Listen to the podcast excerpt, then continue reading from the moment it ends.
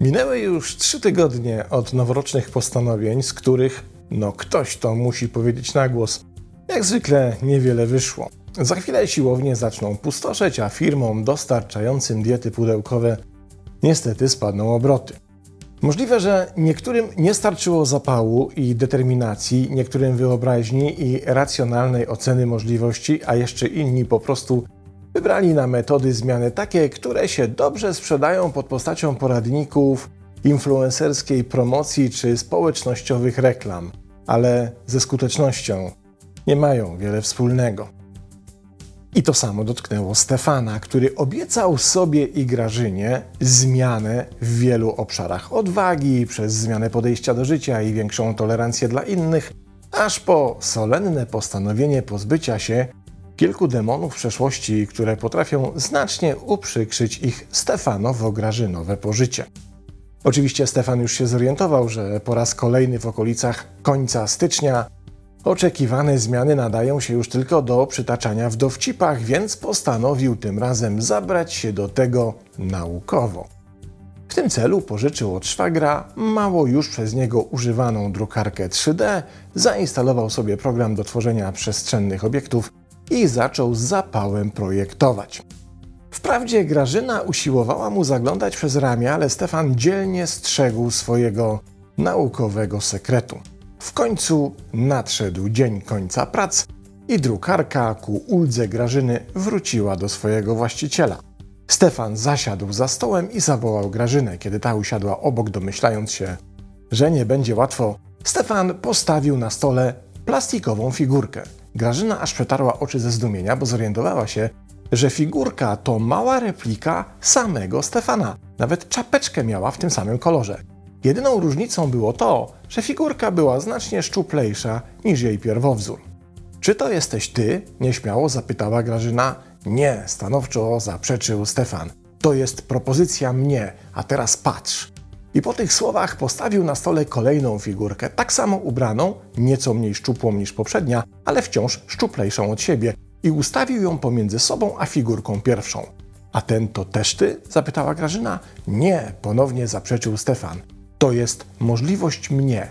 A teraz będzie najlepsze, zapowiedział Stefan i zaczął ustawiać na stole kolejne figurki o różnych rozmiarach brzucha i ustawiać je w wianuszku na stole.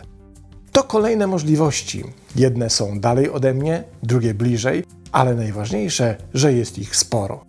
Ja już wiem, co ty kombinujesz, westchnęła Grażyna. To przecież teoria Marcus Nurius i to sprzed prawie 40 lat. Też mi odkrycie. Tak, to teoria, odpowiedział Stefan którą po wielokrotnych porażkach zmiany postanowiłem wprowadzić w życie. Koncepcja badań nad połączeniem pomiędzy poznaniem a motywacją w kontekście reprezentacji wyobrażeń jednostek na temat tego, kim mogą się stać, kim chciałyby się stać i kim boją się stać, została opracowana przez dwoje psychologów Uniwersytetu Waszyngtońskiego, Hazela Markusa i Paule Nurius w 1986 roku. W tej koncepcji odróżnia się pojęcie ja proponowanego od ja możliwego, zwracając uwagę na to, że ich dynamika poznawcza wykazuje się specyfiką formy, znaczenia, organizacji oraz kierunku, które wynikają z takich składników jak nadzieja, lęk, cele i zagrożenia. Ale to, co chyba najistotniejsze, zapewniają inny kontekst wartościujący i interpretacyjny dla bieżącego poglądu siebie. Wprawdzie koncepcja ta pokazuje wiele form tak zwanego przyszłościowego ja. Na użytek dzisiejszego tematu uprościmy ją jedynie do dwóch podstawowych. Pierwszym jest ja proponowane, czyli to główne ja, którym chcielibyśmy się stać, kiedy stoimy u progu zaprojektowania zmiany. Drugie to ja możliwe, czyli takie, którego specyfika wynika z zasięgu możliwości zmiany na ten moment, w którym oceniamy siebie.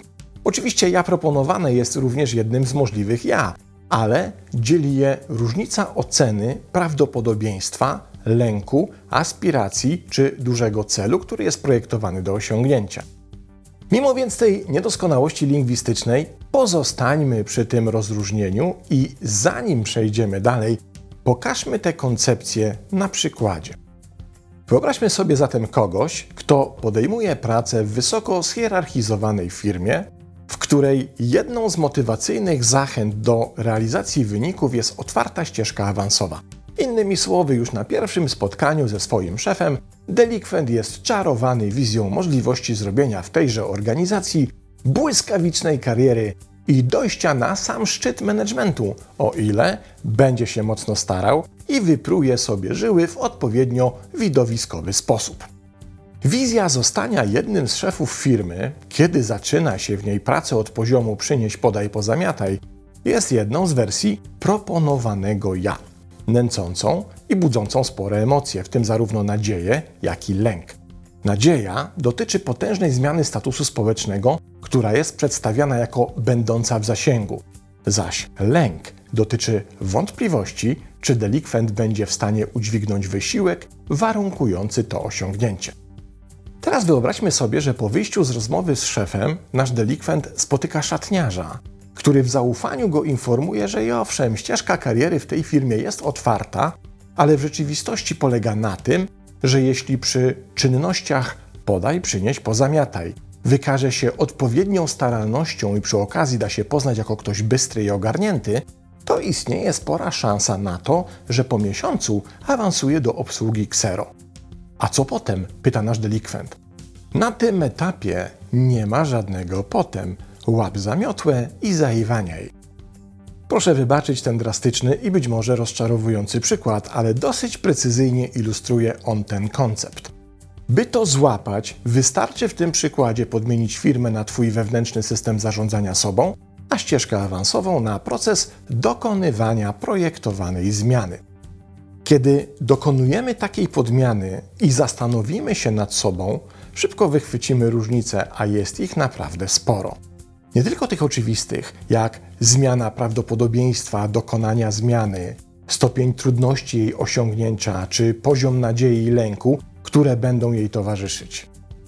Różnica polega również na tym, że rozszerza się pole celu. Kiedy bohater naszego firmowego przykładu projektuje osiągnięcie pozycji jednego z wiceprezesów firmy, to pole jest dosyć wąskie, bo jest ich raptem trzech.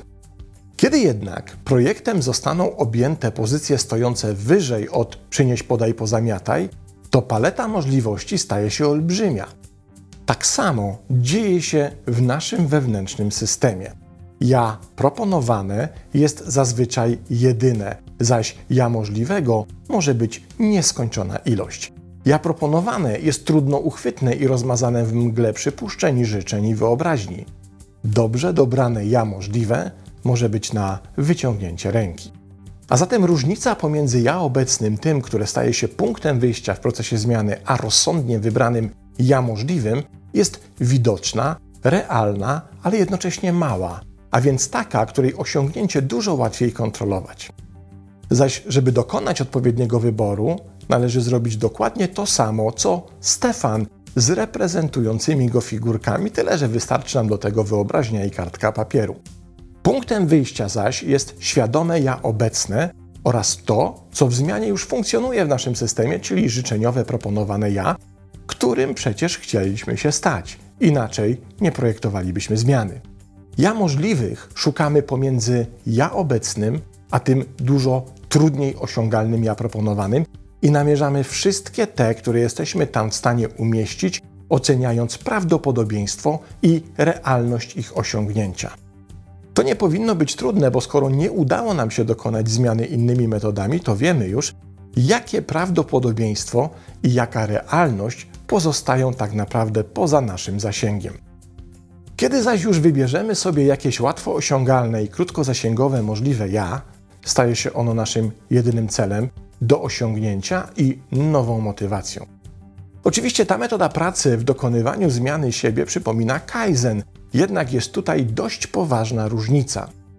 W metodzie małych kroków przyjmujemy założenie, że trzeba wykonać małe, najlepiej bezwysiłkowe, ale konsekwentne kroki, które powoli będą nas przybliżać do dużej zmiany.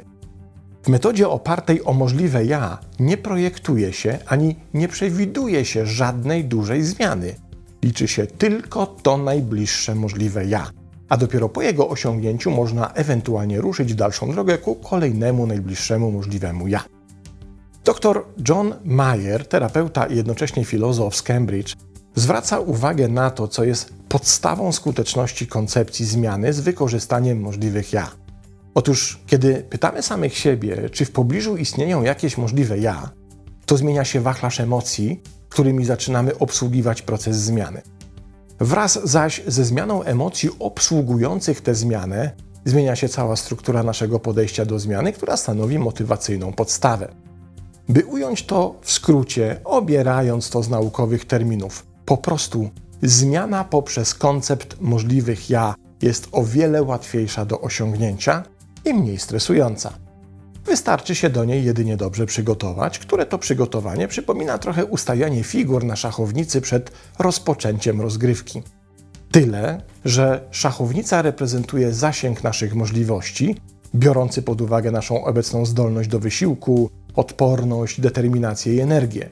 Figury zaś to nasze możliwe ja, z których wybieramy jedną, tę, która reprezentuje najbardziej dla nas korzystny balans pomiędzy możliwością osiągnięcia zamierzeń, a wysiłkiem, który na tę chwilę naprawdę jesteśmy zdolni podjąć.